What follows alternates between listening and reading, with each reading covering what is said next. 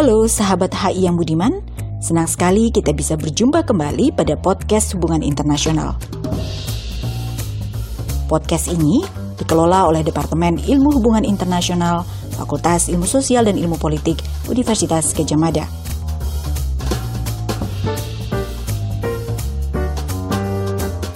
Adalah kehormatan bagi saya, Popi S. Winanti, staf pengajar di HIUGM, yang akan memandu podcast edisi ke-18 yang boleh dikatakan istimewa tidak hanya karena dirancang dengan sedikit berbeda dalam format roundtable discussion, namun juga disiarkan secara langsung pada Selasa 10 November 2020. Podcast ini akan membahas mengenai isu yang sedang hangat seputar pemilihan Presiden Amerika Serikat yang baru-baru ini dilangsungkan.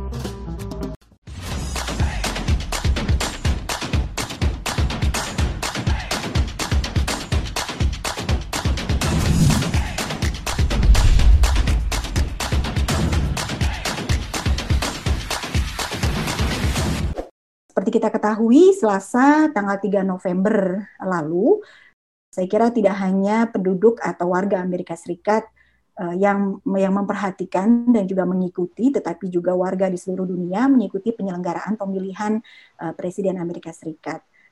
Pidato resmi yang disampaikan oleh Joe Biden yang didampingi oleh Kamala Harris pada tanggal 7 November lalu, uh, saya kira bisa dikatakan menjadi semacam penanda kemenangan Biden-Harris meskipun tentu saja kemenangan ini boleh dikatakan kemenangan dengan selisih yang sangat tipis, karena nanti boleh kita cek kembali ketika rekaman ini dilakukan, ketika diskusi ini dilakukan, saya kira masih ada empat negara bagian Amerika Serikat yang sampai saat ini masih belum memastikan hasilnya.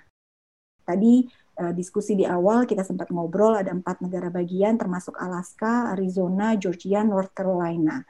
Nah, saya kira mungkin karena memang masih ada empat negara bagian yang memang belum mendapatkan hasil, ini e, berprasangka baik dulu terhadap Donald Trump yang belum hingga sampai dengan saat ini masih belum memberikan semacam pidato uh, yang menyatakan selamat dan mengatakan menerima hasil pemilu yang saya kira itu merupakan salah satu tradisi yang paling mengakar dalam demokrasi Amerika Serikat. Nah, konteks tentang pemilu ini tentu saja hanya salah satu aspek yang perlu kita diskusikan lebih lanjut. Uh, ada banyak aspek lain yang akan kita diskusikan dan tentu saja menarik untuk ditelisik lebih jauh, terutama terkait dengan perubahan-perubahan macam apa, kebijakan-kebijakan apa saja yang sekiranya akan dibawa oleh Biden, serta implikasinya tentu saja bagi tatanan uh, politik global.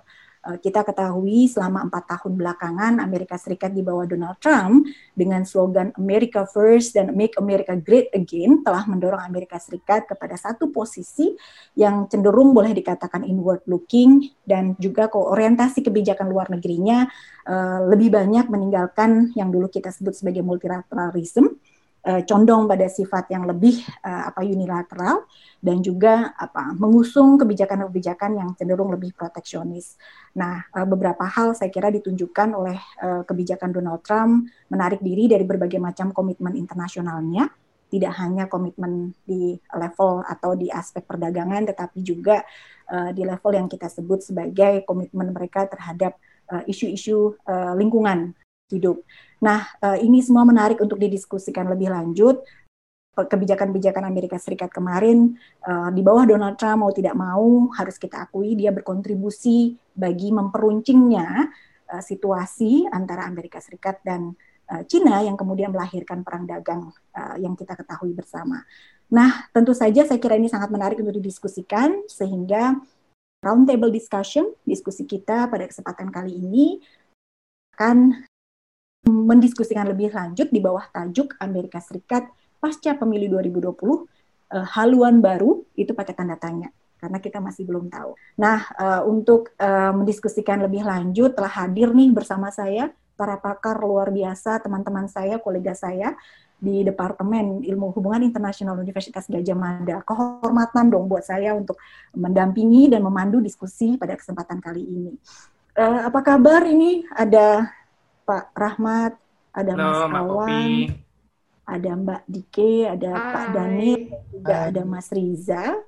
Um, ini saya kira beliau-beliau ini sudah tidak asing lagi lah. tapi tentu saja saya akan memperkenalkan satu persatu uh, lebih lanjut. Nah, yang pertama uh, saya akan memperkenalkan Dr. Diah Kusumaningrup yang biasa dipanggil Mbak Dike gitu, ahli peace studies-nya uh, UGM, uh, menekuni studi-studi tentang perdamaian uh, internasional dan studi-studi demokrasi sehingga tidak mengherankan nanti kita akan berbincang lebih jauh uh, aspek tentang uh, demokrasi Amerika Serikat, memahami lebih jauh uh, demokrasi Amerika Serikat ini terutama berkaca pada pemilihan uh, presiden yang terakhir kemarin dan nanti Mbak Dike akan kita minta untuk mendiskusikan lebih jauh uh, pelajaran penting apa sih yang bisa dipelajari dari hajat politik Amerika Serikat ini, kecenderungannya bagi terutama dekonsolidasi demokrasi secara global. Nah, kita juga kedatangan tamu istimewa, ini lama sekali tidak jumpa, ada Mas yang namanya Rohdi Mohanazala. Uh, biasa dipanggil Mas Awang. Uh, kalau di sana ini terima kasih ya. Selisih waktu kita berapa nih Mas Awang nih? sekarang 12 jam 12 jam 12 jam 12 jam luar biasa sekarang uh, jadi ini ya mudah-mudahan tetap semangat karena perbedaan waktunya yang cukup jauh. Nah, Mas Awang ini tadi seperti saya sampaikan ada perbedaan waktu mengindikasikan dia sedang tidak berada dalam zona waktu yang sama dengan kita. Uh, Mas Awang sedang menempuh studi S3 di negerinya uh, will be Biden soon gitu ya. Uh, nanti kita harapkan Mas Awang bisa kemudian memberikan uh, assessment observasi secara langsung pengalamannya mengikuti uh, pemilu di Amerika Serikat uh, saat ini. Nah, yang berikutnya ini saya kira semua peserta yang hadir sini tentu saja uh, sudah mengenal Dr. Nur Rahmat Yuliantoro, Bapak Kadep kita saat ini. Uh, dan kita akan terutama Pak Kadep ini adalah ahli pengampu mata kuliah Amerika Serikat dan juga ahli tentang Cina sehingga nanti bisa kita gali lebih jauh pendapat-pendapatnya terutama aspek kepemimpinan Amerika Serikat di panggung dunia seusai periode yang kita sebut sebagai America First. Nanti kita akan dengarkan. Nah, yang berikutnya ini saya harus switch from bahasa Indonesia to English.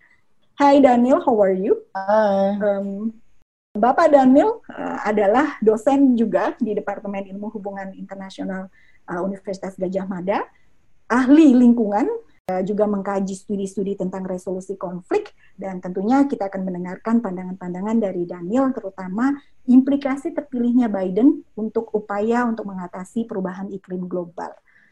Well, last but not least, uh, saya akan memperkenalkan uh, senior saya yang lain uh, adalah Bapak Dr. Riza Nur Arfani salah satu dosen HI juga yang sekarang menjabat sebagai Kepala Pusat Studi Pusat Perdagangan Dunia Universitas Gajah Mada. Kalau dilihat dari namanya, tentu kita akan tahu apa yang akan kita gali dari Mas Riza, yang ahli EPI menekuni kajian tentang perdagangan internasional maupun juga global value chain, sehingga nanti kita harapkan Mas Riza akan memberikan catatan terkait dengan uh, situasi pasca Trump bagi tatanan perdagangan multilateral dan akan memperkaya bincang-bincang kita pada kesempatan kali ini. Oke, itu semua uh, banyak narasumbernya dan saya kira kita akan uh, segera uh, ingin tahu lebih jauh. Nah, pertama saya akan uh, ke Mbak Dike terlebih dahulu. Mbak Dike, ini sebenarnya gimana sih memahami apa pemilu Amerika Serikat itu? Eh, kan kemarin tadi di awal kita juga sudah mengatakan ada selisih suara yang sangat tipis. Ada beberapa negara bagian yang memang belum me me menyampaikan hasil akhirnya. Itu satu hal. Kemudian kita ketika me mengikuti berita ada yang disebut sebagai electoral college, ada yang disebut sebagai popular vote. Apa sih bedanya dan mengapa itu penting? Yang terakhir saya kira nanti yang tidak kalah pentingnya hasil yang pemilu tahun ini berkaitan dengan kondisi COVID-19 ada beberapa suara mm-hmm. uh, pem, apa namanya penyampaian kertas suara yang berbeda mekanismenya dan saya kira itu uh, menjadi salah satu hal yang berimplikasi terhadap legitimasi dan justifikasi atas hasil pemilunya. Nah, mungkin bisa cerita sedikit dulu tentang basic understanding bagaimana proses pemilu di Amerika Serikat. Silakan Mbak Dike ini, monggo okay. kita tunggu. Ya, terima kasih uh, Mbak Popi. Halo semua teman-teman, uh, Bapak Ibu yang ada di mana pun. Uh, saya kira kalau kita bicara soal pemilu di Amerika Serikat, gitu ya, sama halnya dengan pemilu di mana pun pasti ada ciri khasnya. Nah, saya rasa seperti yang tadi sudah disampaikan oleh Mbak Popi, yang sangat Amerika Serikat dari sistem pemilu itu adalah bahwa pemenang pilpres itu tidak ditentukan oleh siapa yang mendapatkan jumlah suara atau popular uh, vote yang terbanyak, tapi siapa yang mendapat electoral college uh, terbanyak gitu. Jadi orang ramai-ramai pada pergi kasih suara ke TPS gitu. Uh, suara-suara itu dihitung dulu di tingkat negara bagian, lalu yang menang di tingkat negara bagian itu mendapatkan sejumlah electoral college. Nah, ada beberapa negara bagian yang electoral college-nya cuma tiga seperti Washington DC, Alaska, Wyoming, North Carolina itu masing-masing cuma uh, tiga electoral college. Tapi ada juga negara bagian seperti California yang uh, electoral college-nya sampai 55 gitu. Total satu negara itu electoral college-nya ada 538. Jadi seorang kandidat kalau dia mau jadi presiden ya dia harus dapat 270 electoral college. Nah, artinya apa? Artinya meskipun uh, suara belum selesai dihitung, ada empat negara bagian yang belum selesai menghitung uh, suaranya gitu, sudah uh, bisa dipastikan bahwa ya pemenangnya Biden Harris gitu. Karena mereka sudah mengumpulkan di atas 270 uh, electoral college. Dan seperti Mbak Popi bilang tadi ini kan uh, apa ya pemilunya terjadi di masa COVID gitu. Dan karena Amerika itu negaranya serikat, ya berarti aturan pemilu di setiap negara bagian itu bisa berbeda-beda. Dan karena ada uh, pandemi, setiap negara bagian kemudian bikin mekanisme yang beda-beda nih. Gimana caranya orang bisa uh, datang memberi suara. Ada yang pakai early voting, ada yang pakai mail in, dan itu pun tenggat waktunya beda-beda ada yang pokoknya kalau cap posnya itu selambatnya tanggal pemilu yaitu dihitung. Ada yang bilang bahwa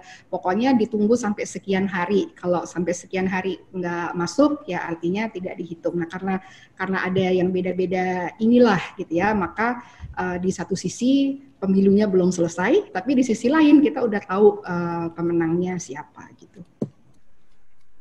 Menarik Mbak Dike atas penjelasan tentang apa namanya pemilu Amerika Serikat pilpresnya Amerika Serikat 101 gitu ya. Jadi kita bisa memahami konteksnya. Nah saya sekarang mau mau tanya dulu ke Mas Awang sebagai orang Indonesia yang saat ini sedang di sana dan dalam proses uh, pemilihan presiden semacam ini, uh, apa yang mungkin impresi dulu deh, mungkin Mas Awang bisa cerita impresinya dulu uh, atas uh, proses pemilu yang berlangsung ini bagaimana sebagai orang uh, ini ya orang Indonesia yang saat ini ada di sana mungkin bisa cerita dulu impresinya dan bagaimana kemudian uh, asesmen Mas Awang atas proses yang terjadi. Silakan Mas Awang. Oke. Uh, terima kasih Mbak Wopi. Selamat kalau di Indonesia selamat sore semuanya. Uh, senang sekali bergabung di diskusi ini. Saya akan sedikit uh, menggambarkan situasi ketika uh, pemilu uh, di Amerika Serikat berlangsung uh, bisa dikatakan uh, attitude daripada semangat daripada penduduk Amerika Serikat cukup tinggi, terutama di kalangan Demokrat. Uh, mereka berharap yang paling penting ini perlu dicatat, mereka berharap tidak terulang lagi kejadian di tahun 2016 di mana banyak orang terutama di kalangan Demokrat sekali lagi undermine uh, peluang Trump menjadi presiden. Tapi ternyata Trump. Nah, oleh sebab itu mereka uh, bekerja keras di tahun 2020 supaya uh, banyak daripada simpatisan uh, Demokrat itu memberikan suara.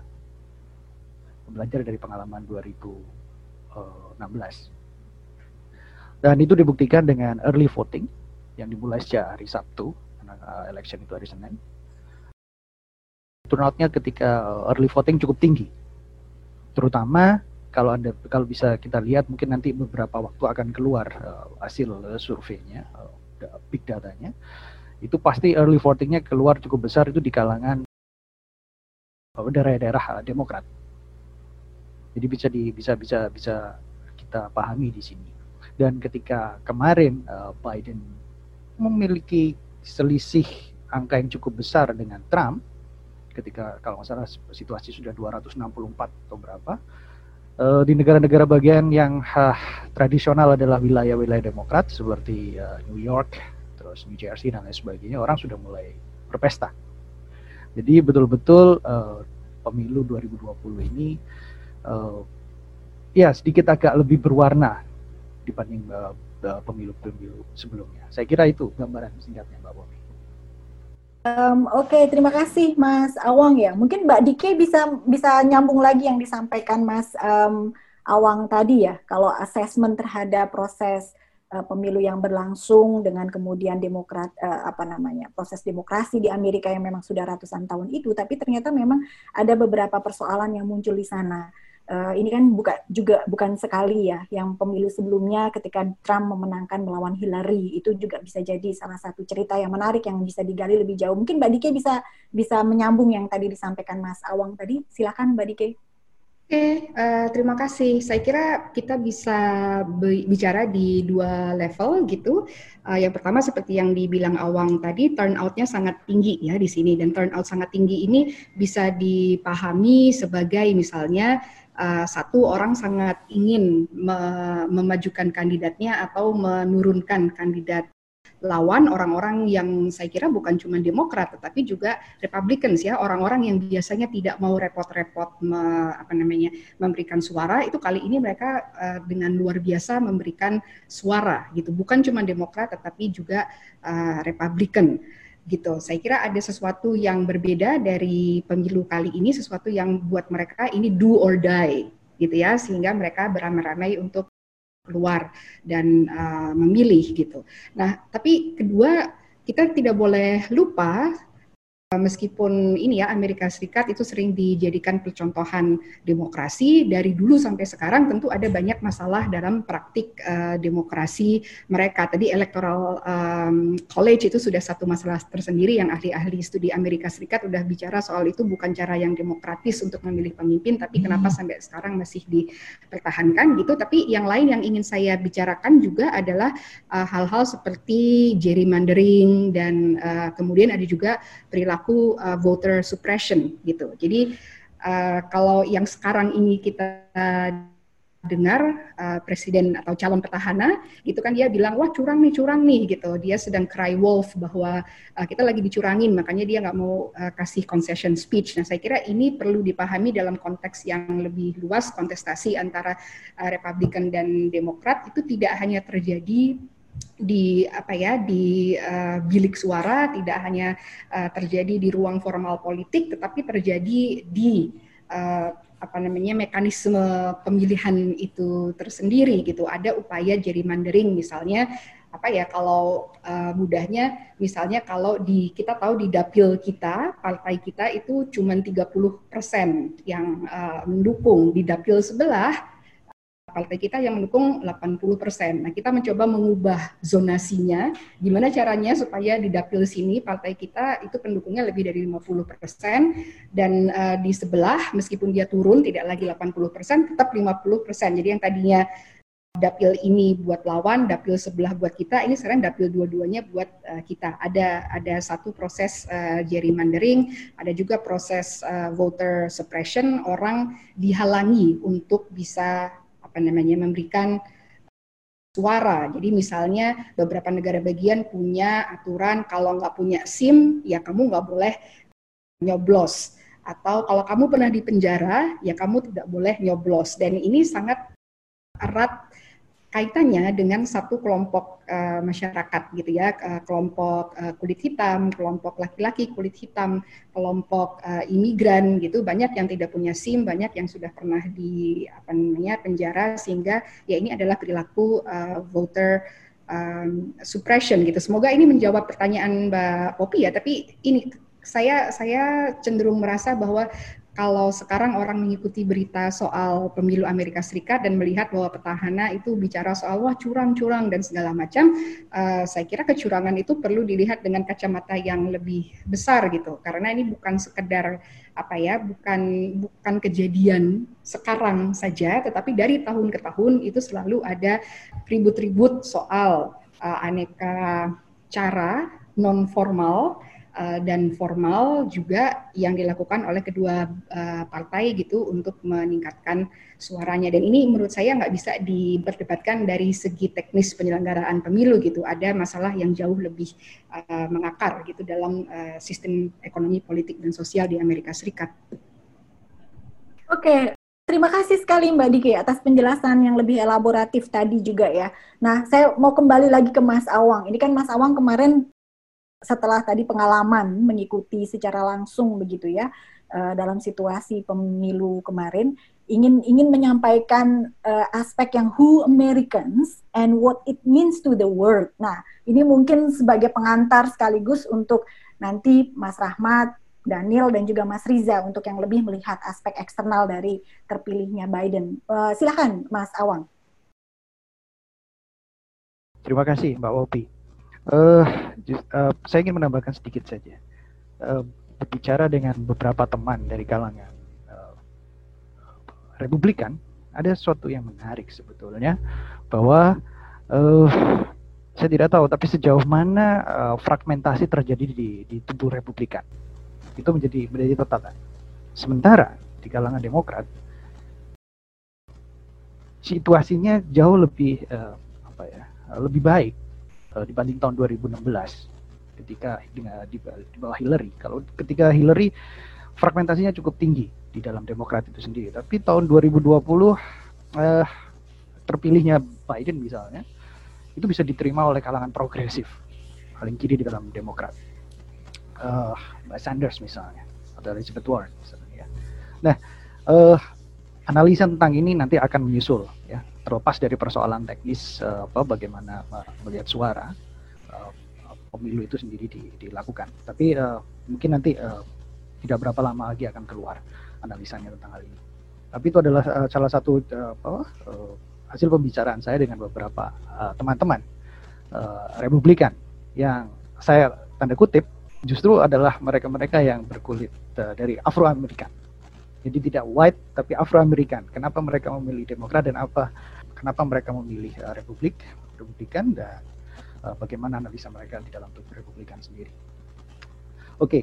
uh, Mbak Popi, ketika bicara tentang uh, general election, saya berprinsip bahwa ini adalah persoalan domestik dan hasil daripada uh, election itu mencerminkan uh, general attitude atau general interest daripada populasi populasi di, di, di, di daerah tersebut di negara tersebut.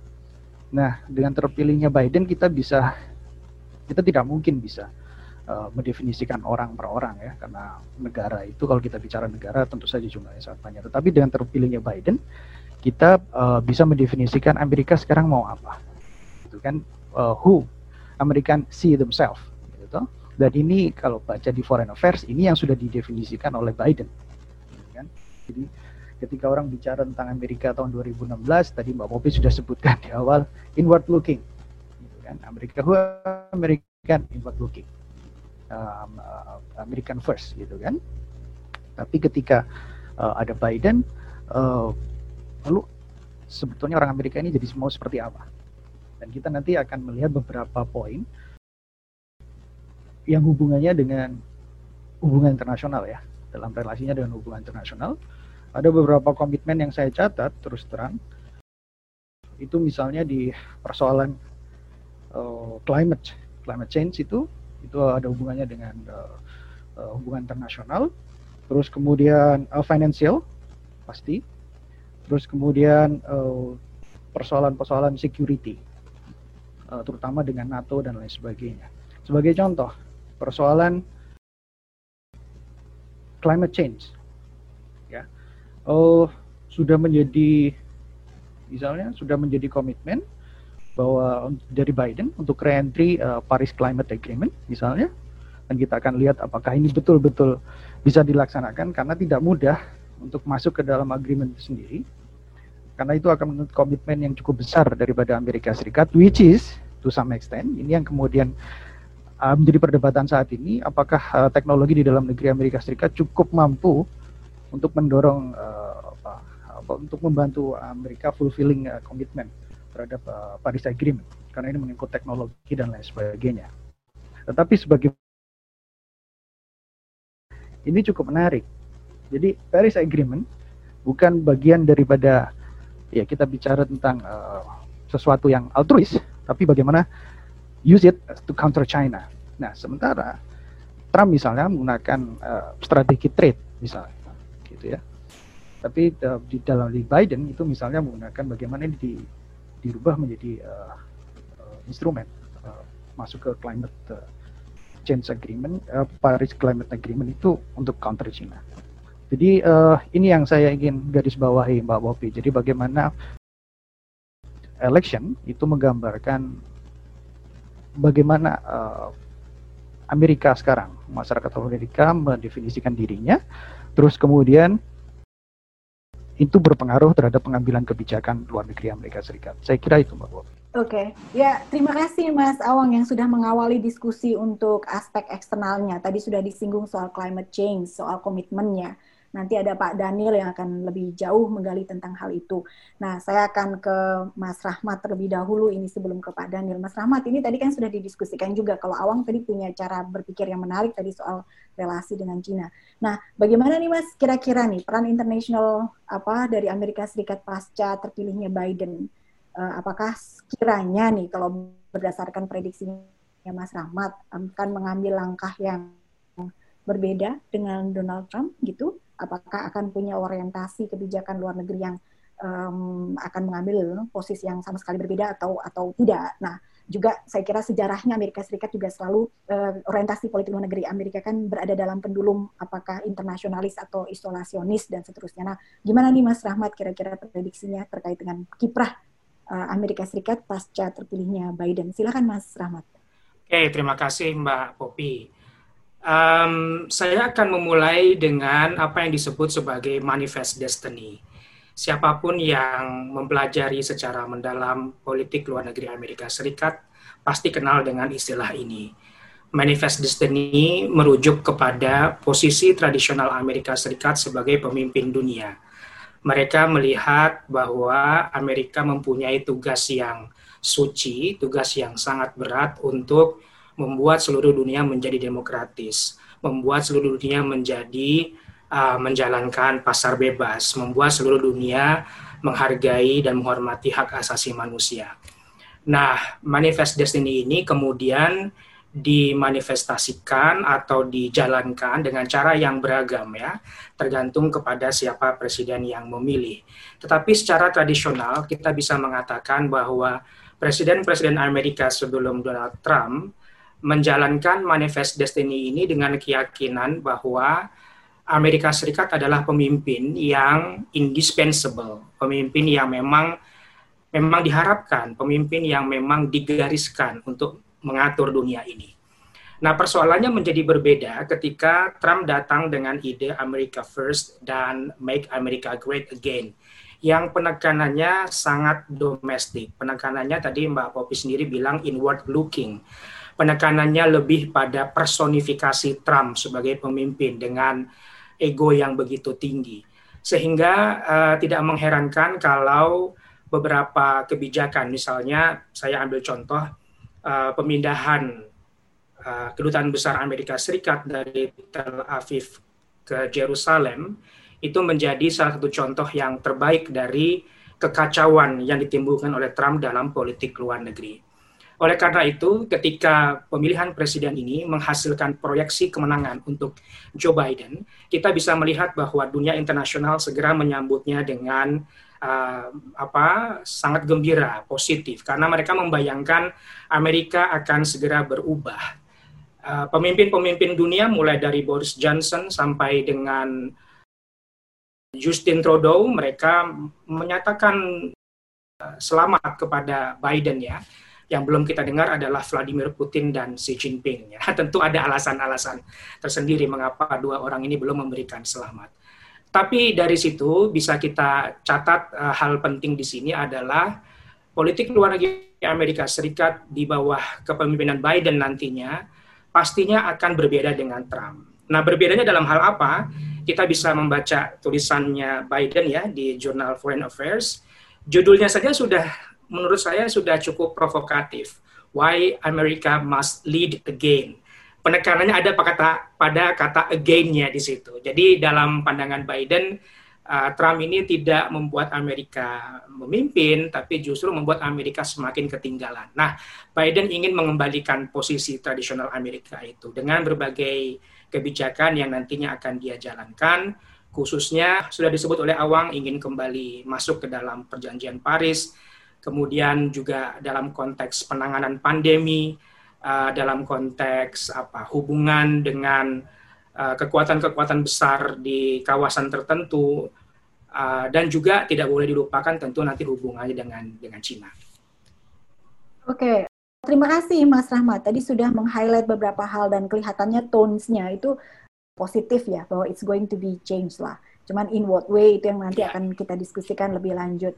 Now, I'm going to ask Daniel um, uh, specifically. Um, Awang has mentioned earlier about the climate change as well, and probably there is uh, most likely, probably Biden will rejoin uh, the agreement. But then uh, I'm just going to ask you: Is is it really true? Is it really good news uh, for you uh, in in terms of Biden when it comes to what we call as the fighting the climate crisis? what we can expect from this kind of situation, the U.S. under Biden, especially in regard to the mitigating climate crisis and probably you can also elaborate further the challenges probably um, he might be uh, facing at this uh, kind of situation especially to be honest uh, during trump there has been quite a significant sort of like, you know, a strong discourse saying that the climate crisis is a nonsense, right? So it must be very difficult for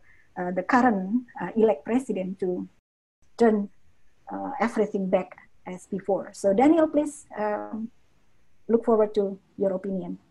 Thank you. Thank you very much, Poppy yeah, as Mas Awang already said, like kind of, uh, and, and Poppy now already in your introduction, definitely the last four years have been terrible for climate change, and uh, I think everybody is breathing a sigh of relief uh, that uh, Trump has lost his elections that deals with, with climate change. As uh, Michael Mann, one of the leading uh, global climate scientists, has said, a second Trump term would have likely been game over for the climate because it would have made it almost impossible to keep within 1.5 or even 2 degrees. So, what we kind of uh, have agreed globally as our global uh, goals for like uh, climate treaties. Yeah?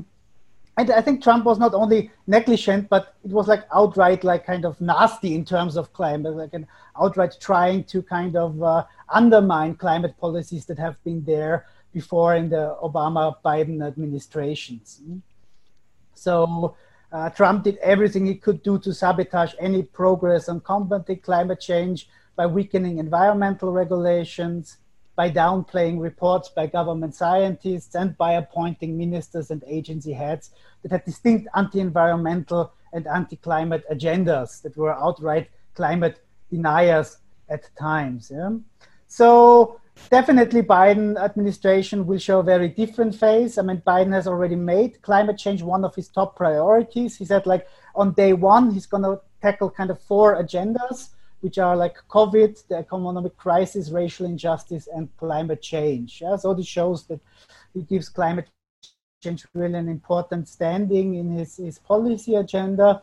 And uh, deal that some of the American uh, Democratic left, uh, Bernie Sanders, AOC, and so on, have brought forward.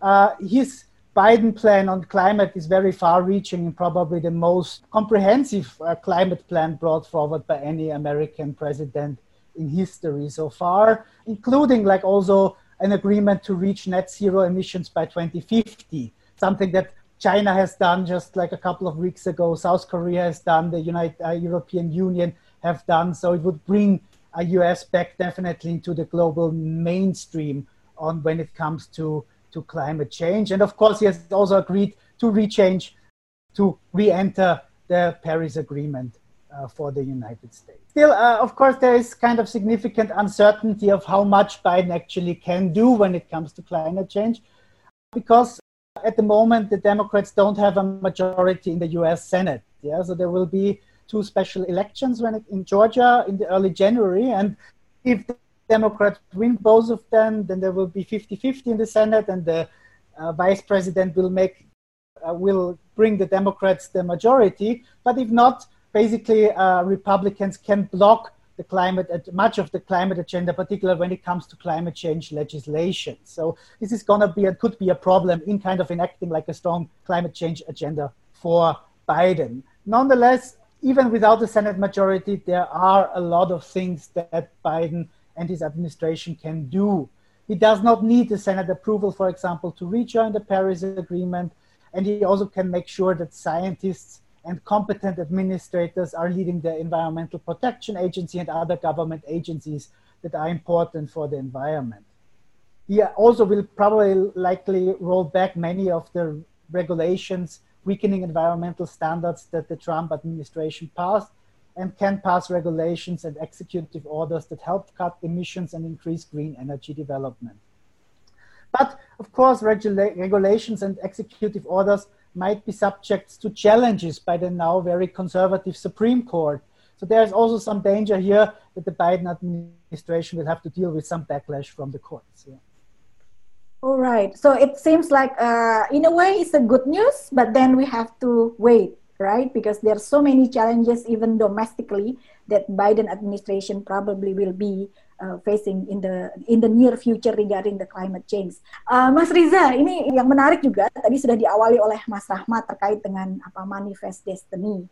Uh, kita tahu bahwa belakangan uh, bukan belakangan ketika bahkan in in in the first very first days ketika Donald Trump took uh, the office ya waktu itu uh, dia punya kebijakan yang saya kira juga sangat sangat cukup uh, radikal di, dilihat dari kacamata previous uh, administration di bawah Obama terutama dalam hal kecenderungannya untuk lebih menarik diri inward looking dan meninggalkan yang kita sebut sebagai multilateralism. Nah, mungkin Mas Riza uh, bisa mengelaborasi lebih jauh apakah kira-kira uh, Biden ini juga akan mengambil langkah yang juga cukup drastis terkait dengan uh, menganulir uh, kembali uh, kebijakan-kebijakan Trump, terutama terkait dengan komitmen internasionalnya dalam hal uh, perdagangan internasional. Silakan Mas Riza. Ya, um, makasih Mbak Popi. Saya mengamini apa yang tadi disampaikan oleh Pak Rahmat, juga Pak Daniel ya dalam soal uh, bagaimana um, proyeksi langkah-langkah uh, Amerika ke depan di bawah Biden akan menyenangkan, akan memberi berita baik bagi para pendukung multilateralisme. Kalau dalam perdagangan um, jelas sekali ya ini berita sangat baik karena sepanjang pemerintahan Trump uh, sama seperti climate ya, dalam soal-soal um, iklim, Trump membalikkan semua asumsi mengenai kepemimpinan uh, alamiah dari Amerika um, di bidang uh, perdagangan. Kalau kita ingat, sebetulnya misalnya kita ambil WTO sebagai um, salah satu um, alat um, Amerika untuk economic statecrafting uh, dunia, um, kita tahu um, siapa di balik WTO. Kita tahu siapa yang berada di uh, belakangnya. Amerika lah. Um, siapa yang mengawal GATT sampai kemudian menjadi WTO, sampai kemudian ada concern mengenai hadirnya China sebagai anggota WTO yang uh, lumayan dominan kemudian ya di tahun-tahun um, setelah kehadiran itu. Kita tahu misalnya ada upaya untuk menjustifikasi secara ekonomi, secara teknikal sekalipun ya, bahwa defisit yang dialami oleh Amerika dalam perdagangan internasional itu tidak apa-apa. Itu refleksi dari uh, benign hegemon ya dalam ekonomi dan justifikasinya bahkan sampai pada level yang sangat teknis dengan memperkenalkan inisiatif uh, global value chain untuk menjustifikasi bahwa keterlibatan Amerika di perdagangan itu pada akhirnya akan berbalik ke Amerika lagi lewat value added. Tetapi kita tahu um, Trump tidak sabar dengan itu dan kita tahu memang yang terjadi uh, sepanjang masa Trump berkuasa adalah berkebalikan semua um, dia tidak percaya dengan uh, mekanisme uh, value addition yang dicapai oleh perusahaan-perusahaan besar Amerika, misalnya dalam um, teknologi informasi seperti Apple misalnya, yang menggunakan uh, um, supply chain um, yang kebanyakan basisnya adalah Cina, itu akan kembali ke Amerika dalam bentuk yang konkret, terutama dalam konteks ini adalah misalnya um, employment, dia per, lebih percaya pada data-data yang menunjukkan employment itu terus menurun uh, um, sepanjang defisit Amerika dan uh, dia dalam posisi sebetulnya menggugat dominasi um, para pemimpin uh, atau elit ekonomi dunia yang kebanyakan uh, juga datang dari Amerika Tapi Trump tidak percaya dengan uh, posisi itu. Dan itulah yang kemudian menjadikan empat tahun ini hingar-bingar. Kita tahu implikasinya pada WTO luar biasa. Kelumpuhannya hampir total. ya um, Awalnya um, dari sisi apa dispute settlement dilumpuhkan uh, dengan Amerika tidak mengajukan calon hakim untuk um, lembaga bandingnya. Sampai yang terakhir Amerika juga memblok uh, pencalonan atau uh, calon yang sudah disepakati secara um, konsensus yang uh, dari Nigeria itu dan kita um, tidak tahu um, uh, kalau misalnya uh, Trump terpilih lagi apa yang akan terjadi uh, sistem konsensus WTO untuk memilih direktur jenderalnya akan berantakan.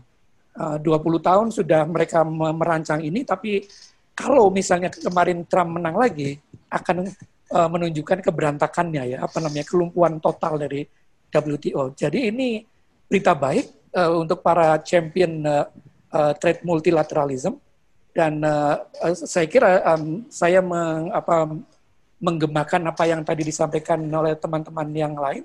Kita tunggu ya, apakah berita baik ini akan berlanjut atau atau tidak. Oke, uh, terima kasih Mas Riza. Mungkin saya mau kembali ke Mas Rahmat ini.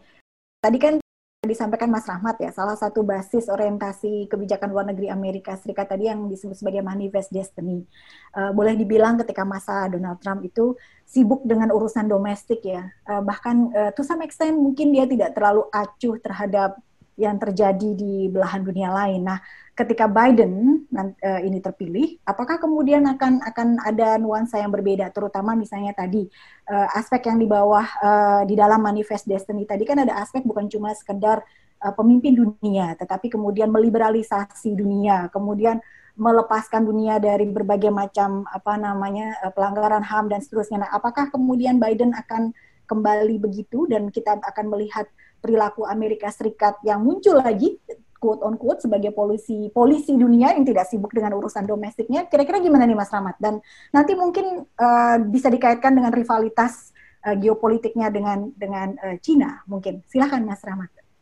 Terima kasih Mbak Popi um, Biden menjadi presiden seperti tadi saya katakan diproyeksikan akan membawa banyak sekali perubahan dalam politik luar negeri Amerika Serikat namun uh, saya ingin kembali juga yang tadi dikatakan Awang bahwa uh, ilustrasinya adalah foreign policy begins at home. Ya. Jadi konteks politik negeri Amerika Serikat itu nanti juga akan dicerminkan uh, dalam bentuk apa ya uh, partisanship antara Demokrat dengan Republik. Jadi ada kebijakan-kebijakan tertentu yang mungkin sekali akan mendapatkan penentangan atau lebih jarang lagi mungkin adalah dukungan dari oposisi. Jadi Republik bisa memberikan dukungan atau bisa memberikan penentangan kepada Demokrat. Nah, dalam konteks ini, kebijakan-kebijakan yang nantinya mungkin akan dijalankan oleh Biden uh, tentunya juga harus memperhitungkan faktor tersebut. Misalnya soal yang disebut tadi soal climate change, uh, kemudian soal multilateralisme, Amerika ingin kembali uh, atau diproyeksikan kembali menjadikan WTO sebagai uh, organisasi internasional yang betul-betul menjalankan amanahnya mengurusi perdagangan uh, internasional itu dipastikan tidak akan mudah ya. Karena orang-orang Republik uh, pasti juga mereka punya kepentingan. Jadi Biden punya tantangan yang besar untuk itu. Kemudian hal lain yang mungkin berbeda dari Biden uh, jika dibandingkan dengan Trump adalah pendekatannya kepada persoalan uh, keamanan. Ya. Amerika Serikat saat ini misalnya uh, mendukung Arab Saudi dalam perang di Yaman. Kemudian uh, Amerika baru-baru ini juga mendorong uh, Uni Emirat Arab dan Bahrain untuk membuka hubungan diplomatik dengan uh, Israel. Di Suriah kita juga bisa masih bisa melihat bagaimana Amerika terlibat di sana. Lalu persoalan laut Laut Cina Selatan yang sampai dengan sekarang juga masih menjadi salah satu uh, titik panas dalam konteks uh, keamanan kawasan di Asia Tenggara. Semuanya ini merupakan tantangan bagi Biden ya. Dia akan menjalankan kebijakan yang mungkin berbeda dengan uh, Trump, tapi lagi-lagi tadi saya katakan dia mungkin harus menavigasi terlebih dahulu hubungannya dengan tidak saja uh, orang-orang Republik di Kongres, ya, tetapi juga dengan para pengusaha, dengan kelompok-kelompok kepentingan, dengan tokoh-tokoh publik. Ya, mereka harus dirangkul supaya bisa memberikan dukungan kepada kebijakan uh, Trump, uh, maaf kebijakan Biden. Nah, uh, dalam konteks hubungannya dengan Cina ini memang menarik ya karena berbeda dengan apa berbeda dengan kebijakan Amerika Serikat yang lain dalam konteks hubungan dengan Cina bisa dikatakan sikap Demokrat dengan Republikan itu uh, tidak jauh berbeda sehingga uh, Biden menjadi presiden itu banyak orang memproyeksikan sikap Amerika kepada Cina tidak akan berubah. Tadi Awang sudah menyebut soal countering China ya, perlunya Amerika Serikat untuk counter China, uh, China itu saya kira masih akan tetap terjadi di masa Biden, walaupun skalanya tidak akan sebesar seperti pada masa Trump. Salah satu alasan juga mengapa Xi Jinping belum juga memberikan ucapan selamat kepada Joe Biden, saya membaca di The Diplomat, itu karena dalam pandangan Cina, siapa pun yang menang, kita nggak akan dapat banyak, tapi juga tidak akan kekurangan banyak. Karena sudah jelas sikap Amerika kepada China sudah sudah jelas bahwa Amerika ingin mengcounter, uh, Amerika ingin membatasi kebangkitan China. Sehingga dari sini yang menarik untuk nanti dilihat adalah bagaimana uh, Joe Biden akan memimpin Amerika Serikat dalam konteks strategic confrontation-nya dengan China, khususnya dalam apa konflik di Laut Cina Selatan kemudian dalam perang dagang, dan yang tidak boleh kita lupakan tentu saja dalam soal pandemi. Ya, kita bisa baca misalnya WHO sedang menginisiasi sebuah kerjasama internasional untuk mendapatkan vaksin. Amerika nggak mau ikut nih, ya kan? Trump nggak mau ikut, nah, sementara Cina ikut. Nah, ini juga saya kira menjadi tantangan lagi bagi Biden nanti. Apakah ketika dia nanti menjadi presiden, kemudian dia akan ikut ke dalam skema kerjasama WHO itu atau justru mengembangkan vaksin sendiri seperti yang disarankan oleh Donald Trump. Oke, uh, terima kasih Mas Rahmat. Sebetulnya saya masih punya beberapa pertanyaan nih, tetapi kayaknya waktunya juga sudah tidak mengizinkan. Sehingga yang ingin saya lakukan adalah saya ingin meminta uh, Mas Rahmat, Mas Awang, Mas Daniel, Mas Riza, dan Mbak Dike uh, memberikan semacam closing statement yang terkait dengan isunya masing-masing. How then we see uh, the US after ini ya, uh, America first lah setelah uh, Trump.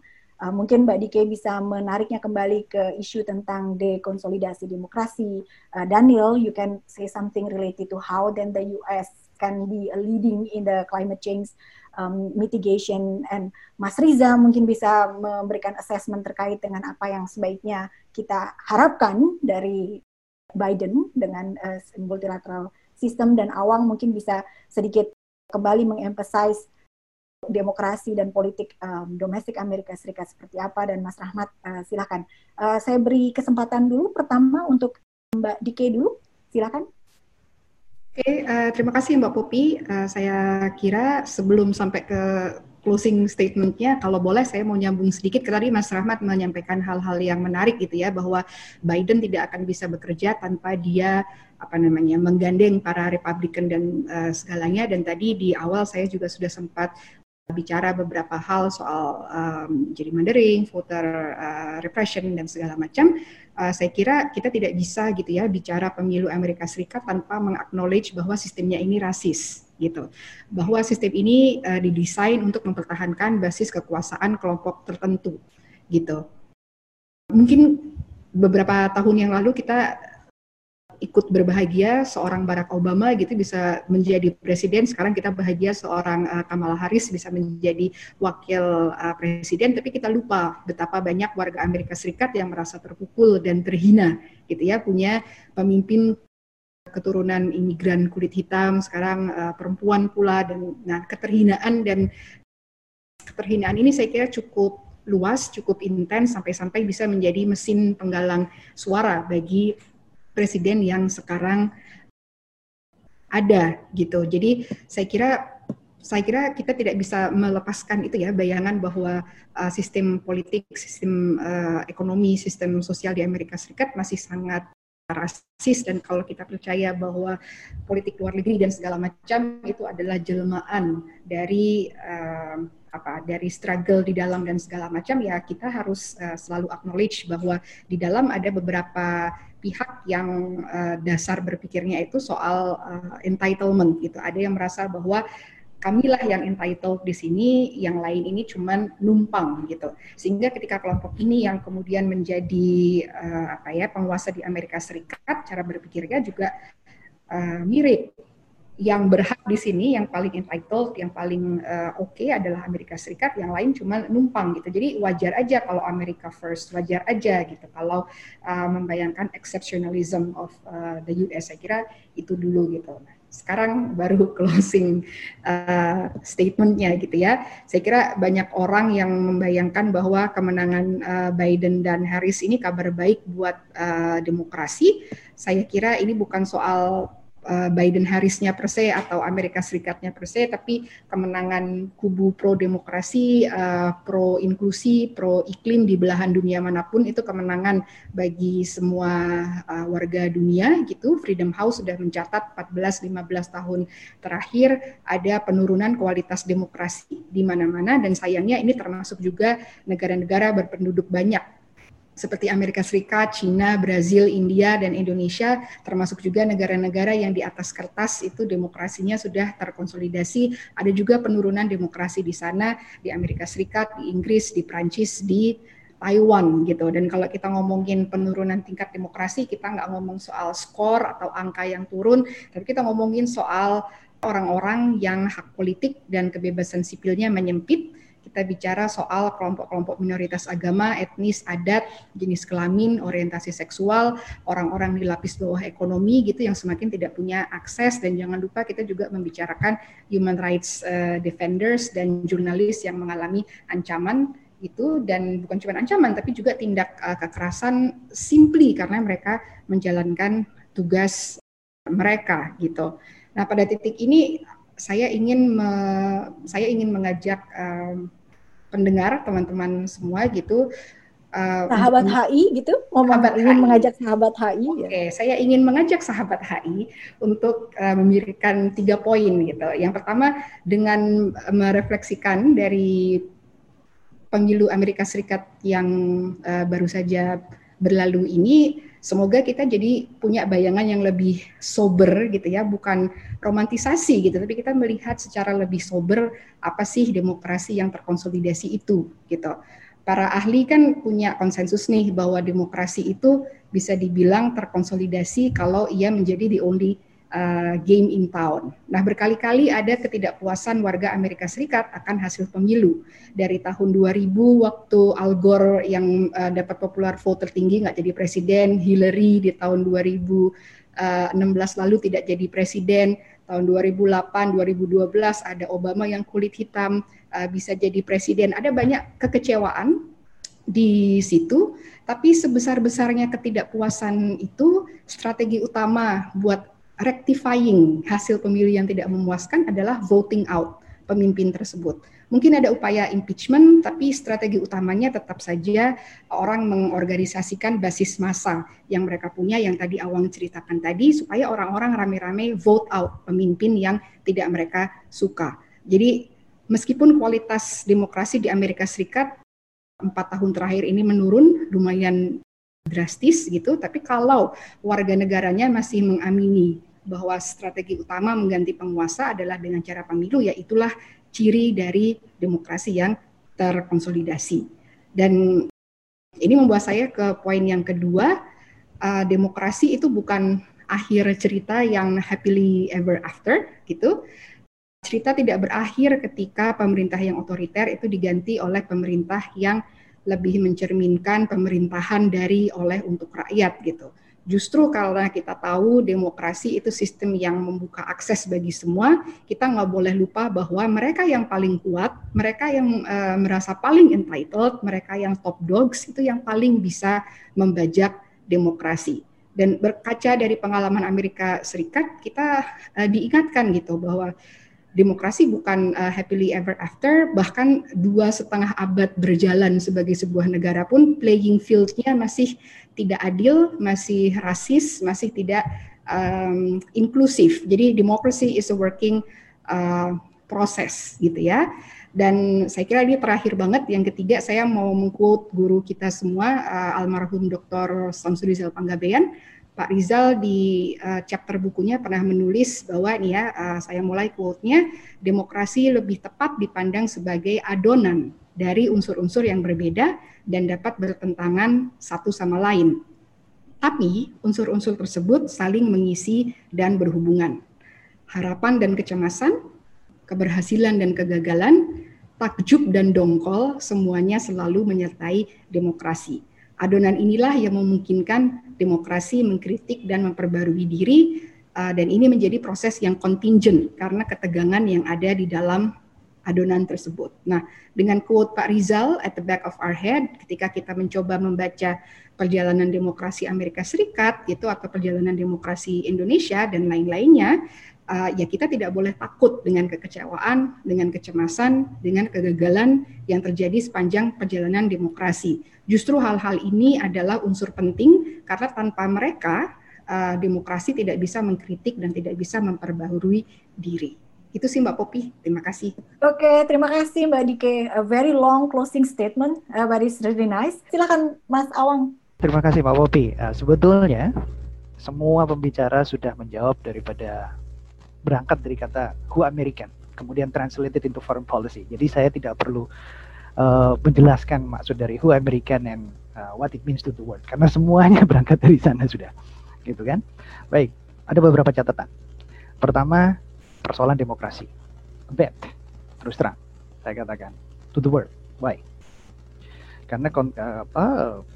Kalau kita bicara tentang foreign policy, apa? Uh, bicara foreign policy, terutama berkaitan dengan uh, democratic values-nya uh, Amerika, projecting democratic values-nya Amerika ke dunia internasional, maka saya katakan uh, konsentrasi dengan Cina akan membawa pada situasi perang dingin uh, itu mau tidak mau.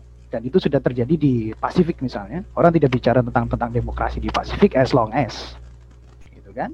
Anda bisa menjadi ally daripada kami terutama Australia di sana yang itu ya, pasti disupport oleh Amerika Serikat. So to this extent kita harus menanyakan lagi komitmen Biden nanti. Meskipun dia bilang di dalam uh, semua bisa melihat lah di, di foreign affairs dan lain sebagainya dia ingin membuat uh, sebuah aliansi demokrasi which is itu sama persis seperti tahun 2004 di era Bush. Jadi uh, apa, uh, apa uh, jadi kita lihat nanti bagaimana. Kemudian tentang persoalan climate. Uh, seperti saya awal di, di apa awal katakan persoalan climate apa komitmen tentang climate change dan kemudian uh, Paris Agreement itu berkaitan dengan persoalan ekonomi di pada level domestik ya kan persoalannya adalah pada level domestik selama era Trump itu kuat sekali Amerika Nah ini nanti menyangkut kepada Mas Riza ya. Gak ada yang memperdebatkan bahwa ekonomi Amerika Serikat era Trump itu lemah, enggak. Kuat sekali, gitu kan. Dan everybody knows itu. Kalau pemilu dilakukan tahun 2019, saya nggak yakin Biden menang. Nah ini karena tahun 2020 ada persoalan complicated dengan pandemi dan lain sebagainya, mungkin itu jadikan momen. Tapi sampai tahun 2019, ah orang masih meragukan Biden bisa challenge itu. Nah Padahal kita tahu seperti di awal dikatakan oleh mungkin apa eh, Daniel tadi sudah menyebut, kalau kita komitmen kepada Paris Agreement itu nanti ada implikasinya pada persoalan ekonomi, teknologi dan lain sebagainya. Sanggup nggak? Itu di dalam. Nah itu nanti berkaitan dengan Mas Riza, apa eh, komitmen terhadap eh, multilateralisme. Ini persoalannya sekarang di bidang ekonomi, terutama ekonomi politik ada tren baru yang itu mengulang tahun pemikiran-pemikiran Great Depression Nah, mungkin nanti bisa dibuka lagi. Artinya proteksionisme to some extent ketika harus berhadapan dengan uh, munculnya kekuatan-kekuatan baru seperti China, itu masih dimungkinkan. Nah, persoalannya ini, apakah kemudian kita masih menganggap Amerika the sole power tahun seperti tahun 92 sehingga harus push uh, yang kita sebut dengan multilateralisme atau kita bisa kembali pada uh, tahun 1930-an dengan logika-logika ekonomi politik proteksionisme. Itu sama extent untuk challenge Nazi dan lain sebagainya. Itu menjadi pertanyaan. Terus kemudian uh, tentang rasial. Nah, ini perlu digarisbawahi. Sekarang ada pemikiran bagaimana kita mendefinisikan nation state. Tadi saya meng-highlight uh, decay. Bagaimana kita mendefinisikan nation state? Nation yang membentuk state seperti di Eropa atau nation yang terbentuk karena state. Nah, nation membentuk state itu Trump. To some extent. Nah, apakah kemudian nation yang dibentuk state itu kemudian diwakili Biden? Kita lihat. Kita lihat. Tapi terus terang, kalau saya selama hampir enam tahun di Amerika Serikat, saya melihat begini. Eh, Obama, ketika saya tanyakan kenapa Obama menang, sementara kita lihat ada di Demokrat saat itu ketika ada konvensi terus kemudian di Republikan ada juga Afro Amerikan masuk tapi suaranya zero. Hampir zero kecil sekali lah gitu kan. Kenapa hanya Obama? Salah satunya menurut saya adalah karena Obama tidak terlalu hitam juga tidak terlalu putih. Something in the middle. Gitu loh. Jadi identitasnya menjadi terbelah dan Obama juga dari kalangan elit dia lulusan Harvard dan lain sebagainya dan lain sebagainya. Jadi uh, dia punya circle-nya sendiri. Nah dari sini tadi mengambil kata uh, decay memang itu terjadi di Amerika Serikat. Jadi berkaitan dengan demokrasi, let's see bagaimana perdebatan tentang nation state, nation yang membentuk state atau nation yang terbentuk karena state ini bisa dipecahkan oleh oleh Biden. Saya kira uh, itu adalah beberapa catatan penting uh, untuk okay. uh, uh, tidak tidak terlalu optimis tapi juga tidak sangat ya. optimis yeah. terhadap perilaku Amerika. Ya, terima kasih Mas Awang. Uh, tidak terlalu optimis tapi tidak terlalu pesimis gitu ya, yang di tengah-tengah gitu ya. Uh, selanjutnya saya persilahkan Mas Rahmat terlebih dahulu. Mas Rahmat terlebih dahulu, silahkan. Okay. Terima kasih, terima kasih Mbak Popi. Uh, saya ingin mengajak semua sahabat HI sore hari ini untuk um, apa ya, membaca kembali apa yang disampaikan oleh Yosef Nai. Ya, Yosef Nai ketika dia berbicara tentang power devotion atau penyebaran kekuatan. Uh, Yosef Nai punya ilustrasi tiga papan catur itu ya. Di papan catur yang pertama, Amerika Serikat adalah the indispensable nation. Dia nggak punya lawan. Ini papan catur uh, security, papan catur keamanan. Kemudian di papan catur yang tengah, itu adalah papan catur ekonomi, di mana Amerika Serikat harus bersaing tetapi pada saat yang sama juga bisa bekerja sama dengan negara-negara pemilik kekuatan ekonomi uh, menengah atau ekonomi besar lainnya. Nah, papan catur yang ketiga adalah papan catur yang keotik ketika yang menjadi aktor di sini atau yang menjadi pemainnya di sini adalah misalnya organisasi teroris, kemudian uh, apa perusahaan transnasional dan lain sebagainya yang kemudian membuat negara sulit untuk uh, masuk dan menjalankan kekuasaan mereka dalam papan catur yang ketiga. Nah, Amerika Serikat di masa Trump mungkin uh, bisa kita lihat uh, di papan catur pertama kuat, papan catur kedua mungkin tidak begitu kuat, apalagi di papan catur yang ketiga ya. Sehingga tantangan bagi Biden sekarang, lagi-lagi uh, ketika nanti dia dinyatakan sebagai pemenang adalah memastikan bahwa Amerika Serikat uh, tetap menjadi pemain utama di papan catur yang atas yang pertama, lalu di tengah-tengah dia bisa bekerjasama dengan negara lain dalam konteks multilateralisme tadi, dan juga Amerika harus bekerjasama dengan negara-negara lain, dengan aktor-aktor lain internasional untuk menyelesaikan persoalan-persoalan di papan catur yang ketiga. Itu tantangan bagi Biden. Nah, uh, satu lagi singkat saja, kalau kita semua di sini seorang realis ya. Kalau realis maka uh, ada teman saya Pak Kiki dari UPN itu saya terinspirasi oleh Pak Kiki. Kata dia realis itu trust nobody ya. Jangan percaya kepada siapa pun. Jadi ketika kita sekarang uh, membayangkan Biden akan membawa perubahan besar bagi Amerika Serikat, mungkin juga nanti tidak akan seperti itu. Jadi uh, apa kita harus melihat bahwa dalam konteks politik luar negeri uh, Amerika Serikat tetap akan menjadi aktor yang diperhitungkan, tetapi mungkin akan keliru kalau kita beranggapan uh, Amerika Serikat akan 100% beralih dari apa yang telah dilakukan Trump selama ini karena tentu saja Amerika juga punya kepentingan-kepentingan uh, tersendiri yang pastinya sesuai dengan yang tadi saya sebut sebagai manifest destiny itu. Begitu Mbak Popi. Oke, okay, terima kasih Mas Rahmat. Uh, next, I'll be asking Daniel. Please, Daniel, your closing statement. Thank you. Thank you, Mbak Popi. Let me maybe uh, uh start my statement by this, this quote that's uh, usually attributed to Winston Churchill that goes, we can depend on Americans to do the right thing when they have exhausted every other possibility. So, uh, in terms of climate change, we really have to hope that this is the point now uh, where the United States really starts pulling their weight, uh, because the next decade until 2030 is going to be really crucial if we want to get climate change in check. And there are, I think, some some movements also aside from the Biden administration. I mean, with all the natural disasters that the United States have seen, from the massive amount of hurricanes to the wildfires in the West, you can see in the service also that there is a rising tide of Americans, even Republicans, that think that climate change is really a significant problem and that you have to deal with it. So one can hope maybe that this shift in public opinion will also slowly also shift, in also helped by a, a very vibrant and diverse climate movement that the United States obviously have to kind of really shift the US policy uh, in that direction. And we know like the US is like it's a technological giant. So if the US gets its head behind you know new technologies and so on, I think the US will be able to make the shift very quickly and uh, very strongly. Um, so yeah, that's the hope I think that we have that uh, I think that the US is will will will kind of pull pull its strengths within the next decade, hopefully.